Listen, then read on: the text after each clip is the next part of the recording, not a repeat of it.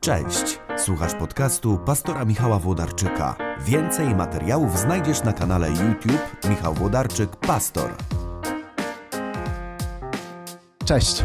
E, chcę kontynuować te krótkie filmy o paradoksach, o paradoksach chrześcijaństwa, czyli tych wszystkich takich napięciach między skrajnymi przekonaniami. Chrześcijaństwo nie jest dla tych, którzy nie lubią trudnych pytań. To jest jeden z moich ulubionych cytatów. Kto nie lubi trudnych pytań, niech da sobie spokój z Jezusem z Nazaretu. I to nie jest zniechęcające. To jest tak naprawdę intelektualnie zachęcające do tego, żeby wejść i zobaczyć, że chrześcijaństwo rozumie świat takim, jakim jest. Że chrześcijaństwo nie udziela, wiecie, obrażająco prymitywnych odpowiedzi na trudne pytania, ale dostrzega zniuansowanie naszego życia, dostrzega jego trudność, dostrzega napięcia wiary, dostrzega nieoczywistość pewnych dylematów czy nieoczywistość pewnych odpowiedzi.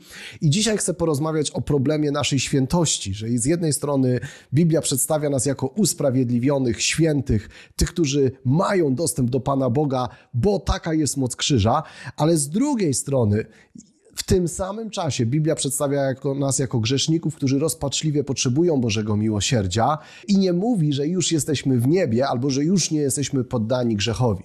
Więc dzisiaj o tym, że chrześcijanin jest jednocześnie święty i grzeszny, albo lepiej, bardziej prawidłowo byłoby powiedzieć, że chrześcijanin jest jednocześnie usprawiedliwiony, w pełni usprawiedliwiony i jednocześnie jest grzeszny i Myślę, że nie raz, nie dwa na internetowych jakichś dyskusjach, tak zwanych no, bu burzach bez przedrostka, przemilczę go, na różnych internetowych burzach czy, czy dyskusjach widzieliście, mieliście do czynienia z takim bardzo głębokim niezrozumieniem tej zasady. Więc krótko czołóweczka, a potem chciałem powiedzieć po łacinie simul justus et peccator, czyli krótki film o biblijnej antropologii, która mówi, że tutaj na ziemi wciąż jesteśmy jednocześnie usprawiedliwieni i jednocześnie grzeszni. Paradoks. No właśnie, tak, o tym jest ta seria. Paradoksy.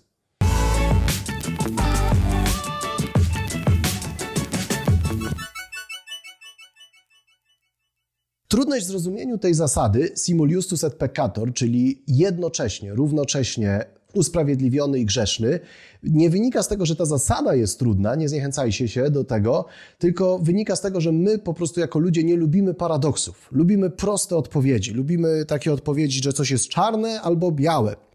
Ale to, co powiedział Chesterton, jeżeli masz problemy z myśleniem o chrześcijaństwie w kategoriach paradoksów, rozwiązywania paradoksów, y, myślenia w kategoriach paradoksów, których pozornie nie da się utrzymać jednocześnie, a jednak chrześcijaństwo pozornie sprzeczne ze sobą stwierdzenia, albo nawet w pełni sprzeczne, jednocześnie uważa za prawdziwe, to obejrzyj pierwszy odcinek tej serii, Paradoksy, gdzie właśnie o tym mówię i rozwijam tę myśl Chestertona, że chrześcijaństwo nie łączy dwóch skrajnych, przeciwległych sobie wartości, że coś jest czarne, coś białe i chrześcijaństwo łączy to w szare, ale chrześcijaństwo utrzymuje te paradoksy w całej mocy, że jednocześnie to pozostaje skrajnie czarne, jednocześnie pozostaje skrajnie białe i jedno i drugie jest prawdziwe.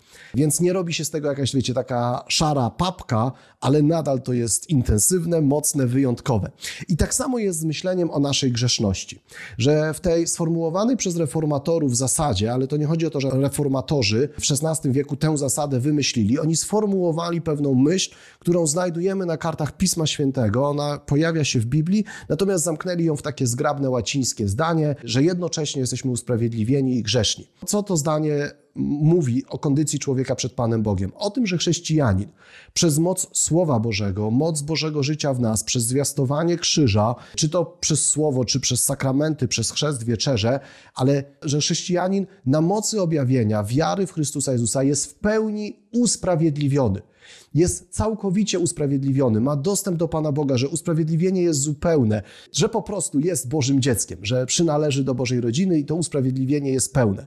I jednocześnie, bo można by było pomyśleć, no to tak, skoro jestem Bożym dzieckiem, jestem w pełni usprawiedliwiony, to już się mnie grzech nie ima.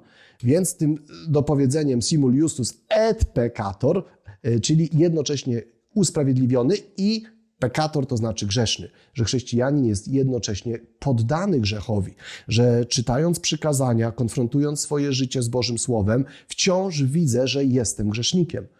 Że wciąż jestem grzesznikiem. I, I wiecie, i niektórzy popadają w takie myślenie redukcyjne, właśnie dlatego, że nie potrafią myśleć w kategoriach paradoksów, no to musisz wybrać. No to albo jesteś usprawiedliwiony, albo grzeszny. Bo jak jesteś grzeszny, to znaczy, że usprawiedliwienie jest niepełne. A jak jesteś usprawiedliwiony, to znaczy, że nie możesz być grzesznikiem. Nie! Jedno i drugie jednocześnie jest prawdziwe. W pełni usprawiedliwiony, w pełni grzesznik. W peł, w peł, w peł, w pełni. Yy, I to nie było na montażu. Tylko tak zrobiłem.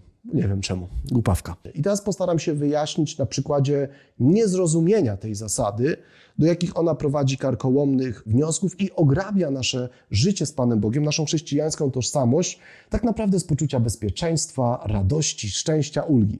Niektórzy mówią albo, albo i nie rozumieją tej antropologicznej, biblijnej, bardzo głęboko biblijnej zasady, bo znajdziemy dwa worki, naprawdę dwa worki wersetów, mówiąc o tym, że chrześcijanin jest w pełni usprawiedliwiony, że w Chrystusie Jezusie jesteśmy posadzeni z Bogiem na okręgach niebieskich, że jesteśmy usynowieni, że jesteśmy Bożymi dziećmi, że Duch W nas woła, prawda, Ojcze, i to tylko można zrobić z pobudzenia, z inspiracji Ducha Świętego. Jesteśmy po Bożej stronie.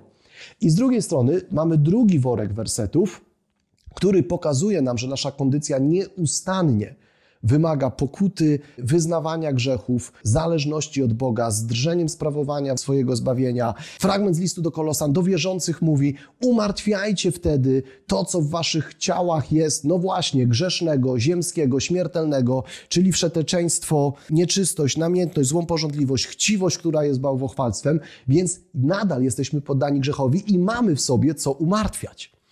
Natomiast ponieważ trudno jest utrzymać jednocześnie w ręku dwa kamienie tak skrajnie różne, biały i czarny, usprawiedliwiony i jednocześnie grzesznik, to nieraz zaczynamy uprawiać takie chrześcijaństwo tylko półprawdziwe.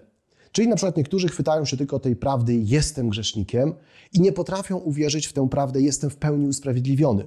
Ponieważ grzech mam na wyciągnięcie ręki, a usprawiedliwienie z krzyża jest takie odległe, oddalone o 2000 lat, oddalona Golgota o kilkaset kilometrów, oddalona w czasie o 2000 lat, a mój grzech jest na wyciągnięcie ręki. Rano się budzę, go widzę, wieczorem zasypiam, o nim pamiętam to myślę sobie, jestem grzesznikiem, jestem grzesznikiem i tracę tą radość Bożego dziecka, tracę tą tożsamość Bożego dziecka, ten entuzjazm, bo mówię, ciągle jestem grzesznikiem i zaczynam myśleć o zbawieniach w kategorii, jestem grzesznikiem, który bardzo się stara, bardzo umartwia, natomiast rzeczywistość jest rozczarowująca, więc nawet jak mam, nie wiem, zacisnę zęby i wytrzymam bez grzeszenia, nie wiem, pięć dni, chociaż biorąc pod uwagę najważniejsze przykazanie, żeby kochać Pana Boga całą swoją myślą, całym sercem, to nie wiem, kto pięć dni wytrzyma, nagle się nie zdekoncentruje i całą myślą Pana Boga nie uwielbia, tylko połową swoich myśli, a połową myśli o tym, że jest głodny albo leniwy, albo cokolwiek innego. Zaczynamy myśleć, że zbawienie to nie jest takie, wiecie, wyczekiwanie na spotkanie z Boga, który mnie w pełni usprawiedliwił, tylko ciągle pamiętamy o naszych grzechach, pamiętamy o naszych grzechach i myślimy sobie, że zbawienie to będzie takie, wiecie, spotkanie z Panem Bogiem po śmierci, werble grają, ty, dy, dy, ważymy wagę, dobre, złe, dobre, złe, dobrze się starał i pał, usprawiedliwiony, brawo, widzimy do nieba, dojść się starał, mimo że grzesznik, to starał się to stłamsić w sobie.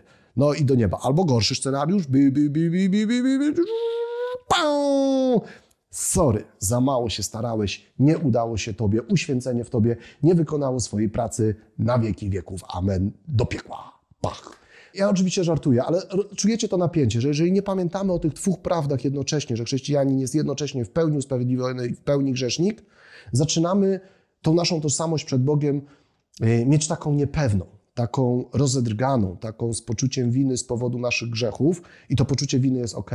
Natomiast niedobrze, kiedy to poczucie winy zabiera nam dostęp i zaufanie w bezmiar i wyjątkowość e, Bożego miłosierdzia w naszym życiu. Więc, więc to jest to jedno przegięcie. Czasami spotykam ludzi, chociaż przyznam, że wśród ewangelikalnych chrześcijan, wśród protestantów rzadko, którzy w ten sposób myślą o swoim zbawieniu, że no zobaczymy, czy to usprawiedliwienie we mnie przyniesie takie owoce, czy nie, dowiem się dopiero na sądzie ostatecznym.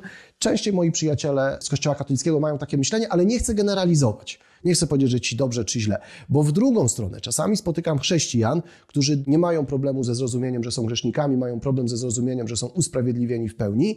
Czasami spotykam, i tu, żeby było sprawiedliwie i porówno w tym odcinku, tu częściej moi protestanccy przyjaciele, ewangeliczni chrześcijanie wpadają w takie myślenie, że rozumieją pół prawdy, ale wy, wybierają to drugie pół. Czyli doskonale rozumieją, że są zbawieni, że są usprawiedliwieni, że są w pełni objęci Bożym usprawiedliwieniem poprzez krzyż Jezusa, natomiast mają problem z przyjęciem, zrozumieniem tej prostej drugiej połowy zdania i jednocześnie są grzesznikami. Czyli mówią, skoro usprawiedliwienie jest pełne i doskonałe, to znaczy, że ja jako chrześcijanin nie jestem już poddany grzechowi i taki mają bunt i sprzeciw, żeby nazywać siebie grzesznikami jednocześnie że no jednocześnie jestem usprawiedliwiony i grzesznik. I czasami to są jakieś takie śmieszne konstrukcje, chodzi tylko o słowa, czasami to są jakieś takie poważne, heretyckie chociaż nie chciałem użyć tego słowa, no ale już takie naprawdę osobliwe, osobliwe twierdzenia, takie, e, że na przykład nie muszę pokutować z moich grzechów, bo one są już na zapas 100 lat do przodu wszystkie przebaczone, nawet te, które popełnię jutro i pojutrze. Więc to przybiera takie różne formy, ale to jest takie zanegowanie tej rzeczywistości, że wciąż jestem grzesznikiem, który potrzebuje rozpaczliwie Bożego miłosierdzia, bo przecież jestem usprawiedliwiony. Tak, jestem usprawiedliwiony i grzeszny, i dzieło Boże w moim życiu jest doskonałe i jednocześnie wciąż potrzebuję rozpaczliwie Bożego miłosierdzia, Bożej łaski, bo ciągle upadam i jestem poddany grzechowi. Więc to jest ta zasada simul justus et peccator. Wiecie, najprostszy argument, dlaczego jednocześnie, dlaczego jak ktoś ma problem i mówi: Jestem tylko usprawiedliwiony i nie mogę nazywać siebie grzesznikiem, nawet nie muszę pokutować z moich grzechów. Wiecie, naprawdę niektórzy tak to mówią całkiem serio. Nie muszę pokutować i wyznawać moich grzechów, bo one już są do przodu, wszystko w krzyżu jest przebaczone i, i nie muszę. Wiecie, chyba nawet nie, nie wspominał tego w odcinku, gdyby nie to, że, że, że jakoś wokół mnie ludzie, których, których wydaje mi się, że dobrze znam, nagle zaczynają takie twierdzenia głosić. Najprostszy werset Modlitwa pańska. Ostatnio ze znajomym rozmawiałem i mówię, wiesz, najprostszy werset, ta modlitwa pańska przypomina nam, że wciąż jesteśmy grzesznikami, bo w tej modlitwie, którą Jezus przykazał swoim uczniom, jest zalecenie, żebyśmy, wiecie, no nieustannie ciągle mówili, przebacz mi moje winy, czyli, czyli jestem w miejscu grzesznika, tego celnika z przypowieści Pana Jezusa, gdzie faryzeusz i celnik modlili się i jeden mówi, dziękuję Ci za to ten sprawiedliwy, że nie jestem taki jak tamten i owamten, byle jaki grzesznik, a ten celnik bił się w piersi i mówi, wybacz mi moje grzechy, wybacz mi grzesznikowi. Więc Pan Jezus stawia nas w tej roli ludzi, którzy nieustannie, czy w tej przypowieści, czy w modlitwie pańskiej mówią, wybacz mi moje winy, wybacz mi Ojcze moje winy, wybacz mi Boże moje winy, jako ja odpuszczam moim winowajcom, więc jestem grzesznikiem. Mimo, że usprawiedliwienie w moim życiu jest doskonałe, Pan Jezus nauczył mnie modlitwy, która ciągle mi przypomina, że potrzebuję prosić o przebaczenie grzechów. I wtedy ten mój znajomy powiedział: No tak, Michał, ale można by to na przykład uchylić w taki sposób. Oczywiście on tak nie myślał, ale, ale yy, chciał wejść w rolę oponenta. Można by to uchylić w taki sposób, że może tą modlitwę Pan Jezus dał uczniom na czas przed krzyżem. Czyli żeby oni się modlili tą prośbą o wybaczenie grzechów przed krzyżem, przed zmartwychwstaniem, przed zbawczymi wydarzeniami, a potem moc krzyża jest taka, że już nie mieli. I rozumiem logicznie taką argumentację, natomiast ona całkowicie wynika z niezrozumienia, czym jest Ewangelia, jeśli ktoś traktuje ją na serio, bo jeżeli ktoś ją traktuje jako taką ćwiczenie, to to jest bardzo fajne ćwiczenie i to był cenny argument. Natomiast jeżeli ktoś to traktuje jako swój sposób myślenia, to znaczy, że całkowicie nie rozumie, czym jest Ewangelia.